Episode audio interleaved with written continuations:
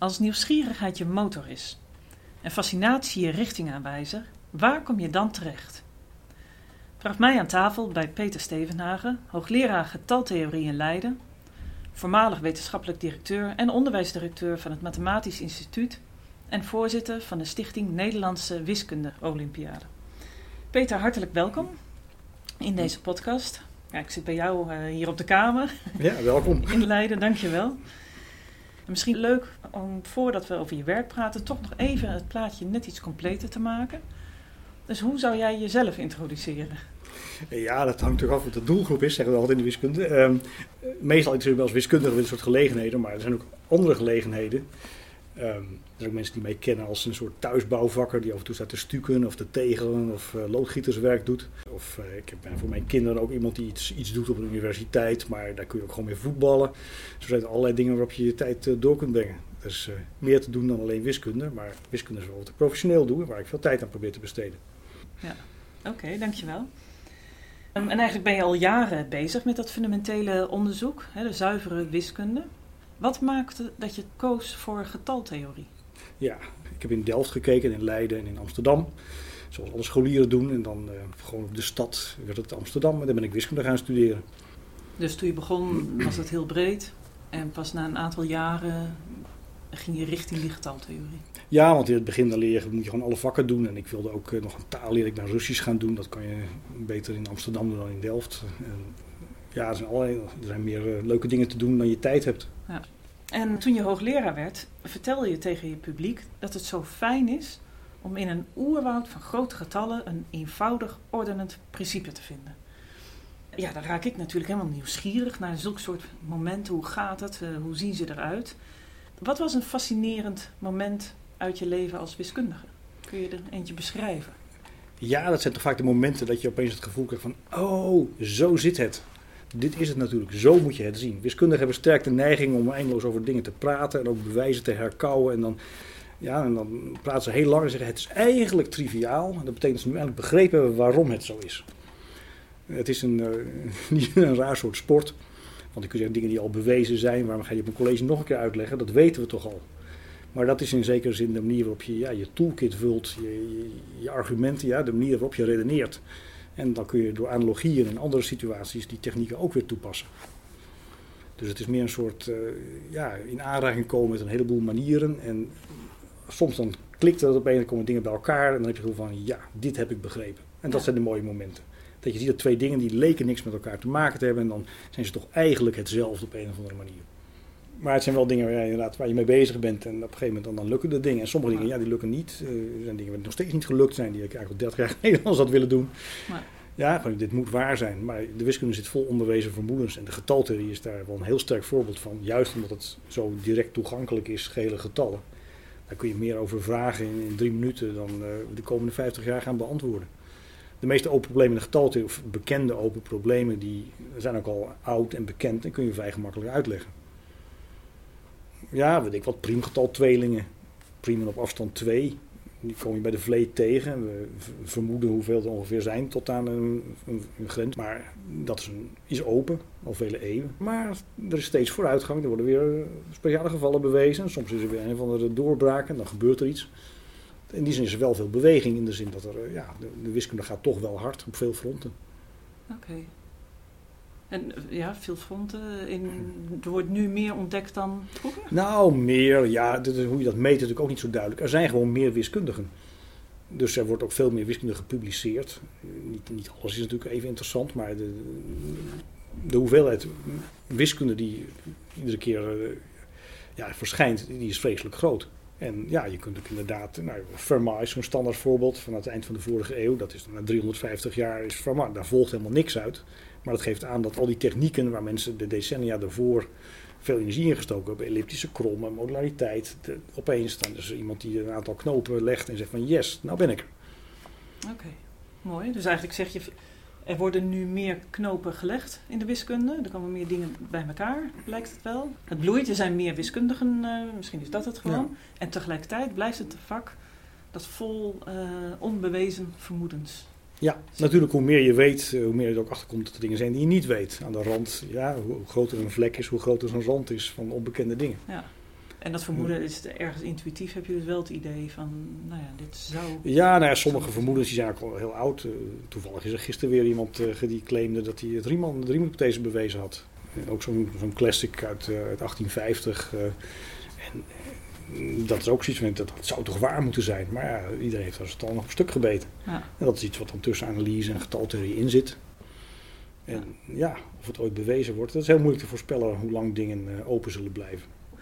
We zitten hier nou in jouw kamer en ik zie een uh, zwart bord, een ouderwets schoolbord, vol met allemaal formules.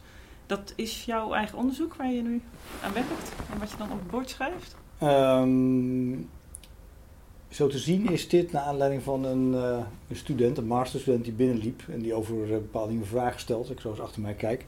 Het is wel de manier om met mensen te praten. Als wiskundigen sta je vaak samen voor een bord die notatie die altijd zo afschrikt met Griekse letters en rare symbolen. Dat is ja, de enige manier waarop je dingen een beetje compact en begrijpelijk op kunt schrijven. Vroeger werd wiskunde meer, meer in proza geformuleerd, maar dat doen we niet meer.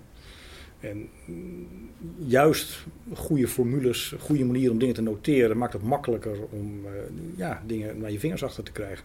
Dus dat schoolbord, dat uh, iedereen denkt dat je natuurlijk eigenlijk iets elektronisch moet gebruiken of iets moderners. Maar wiskundigen die vragen stevast om borden en krijtjes. Ook een beetje zo fijn uit kunt vegen en een beetje kladden en klooien. Dat is de manier om samen ergens uh, een beetje te komen. Al die elektronische borden met een kleine vertraging, dat is uh, niet waar je makkelijk wiskunde nee. op doet. En wiskunde werd vroeger als een proza geformuleerd? Ja, uh, voor Euler.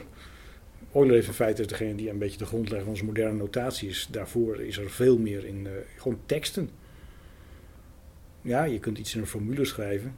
2n plus 1. Ik kan ook zeggen van als ik een geheel getal neem en het verdubbel en er vervolgens 1 bij optel. Hetzelfde.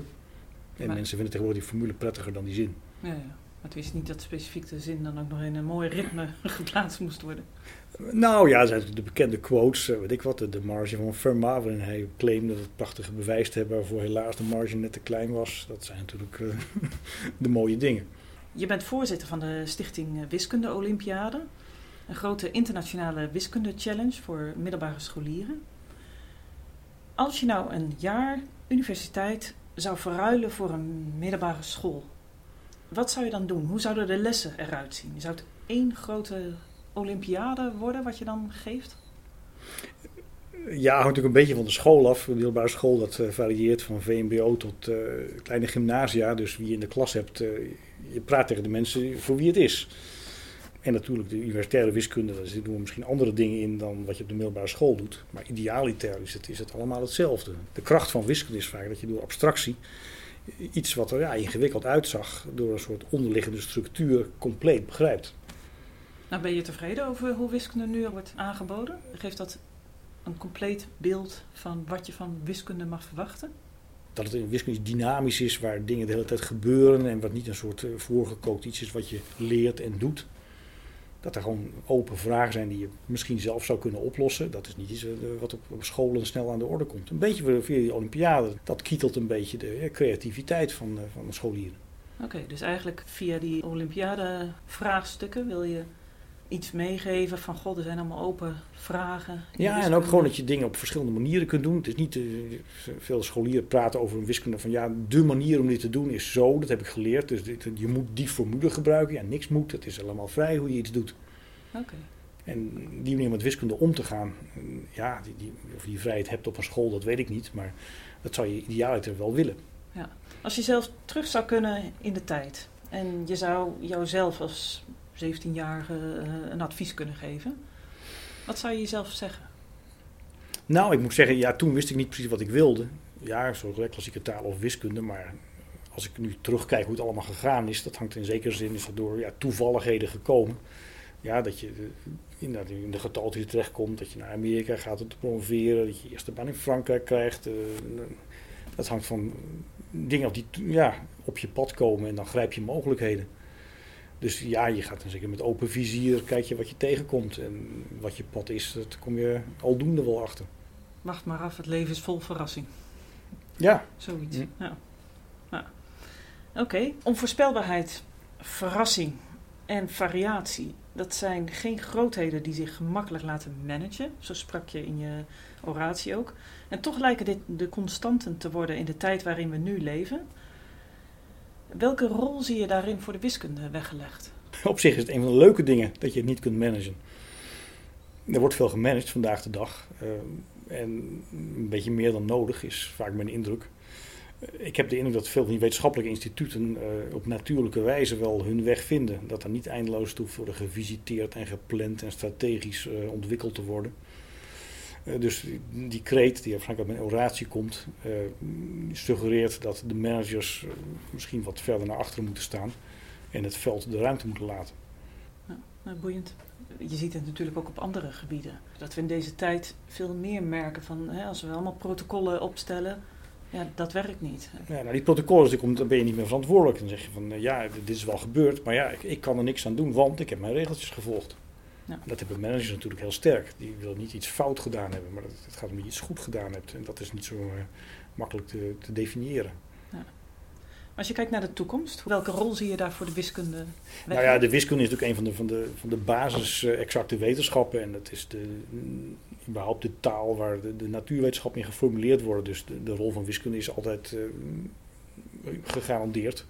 Misschien niet de meest zichtbare altijd, maar wiskunde is een soort, uh, ja, zit altijd, altijd onder de motorkap. En je denkt niet met uh, alle crisissen, alle uitdagingen waar we voor geplaatst zijn, dat mensen door getaltheorie?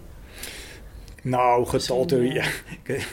getaltheorie, wij hebben als, tegenwoordig als rechtvaardiging. Vroeger had getaltheorie helemaal geen rechtvaardiging, maar nu hebben we de cryptografie. Die laat zien dat wij heel erg nuttig zijn in deze internettijden. Dus daar zijn we natuurlijk heel erg blij mee. Dat betekent dat dingen die we toch al leuk vonden, die kunnen we nu doen en erbij zeggen dat dit cryptografische toepassingen heeft. Dus dan zijn we ook maatschappelijk relevant. Dat is in feite ook een van die uh, ja, tendensen van de laatste decennia, dat alles wat je doet zo snel mogelijk uh, relevant moet zijn. En de wiskunde heeft een vrij lange adem en sommige dingen die niet zo relevant leken, kunnen dat decennia later wel zijn. En dat is ook een van die dingen die je ja, niet kunt managen, dat, dat weet je niet precies. Nee, stug volhouden. Stug volhouden, precies. Dus, uh... ja. Je noemde net heel even het woordje taal. Eh, taal is in de universitaire wereld een topic op dit moment moet je lesgeven in je eigen moedertaal. Hoe belangrijk is het uh, volgens jou dat wiskunde ook in het Nederlands wordt gegeven? Ik denk dat het evident is dat iedereen in zijn moedertaal zich het makkelijkst uitdrukt. Het lijkt me ook nuttig dat mensen dingen, de basisconcepten leren in hun moedertaal. En voor wiskunde komt het erop neer dat je de bachelor op natuurlijke wijze in het Nederlands doet. Op masterniveau hebben we de helft buitenlanders. En dan is Engels de voor de hand liggende taal om wiskunde in te doen. Tot slot nog uh, iets over de nabije toekomst. Je gaat lesgeven in uh, Zuid-Afrika.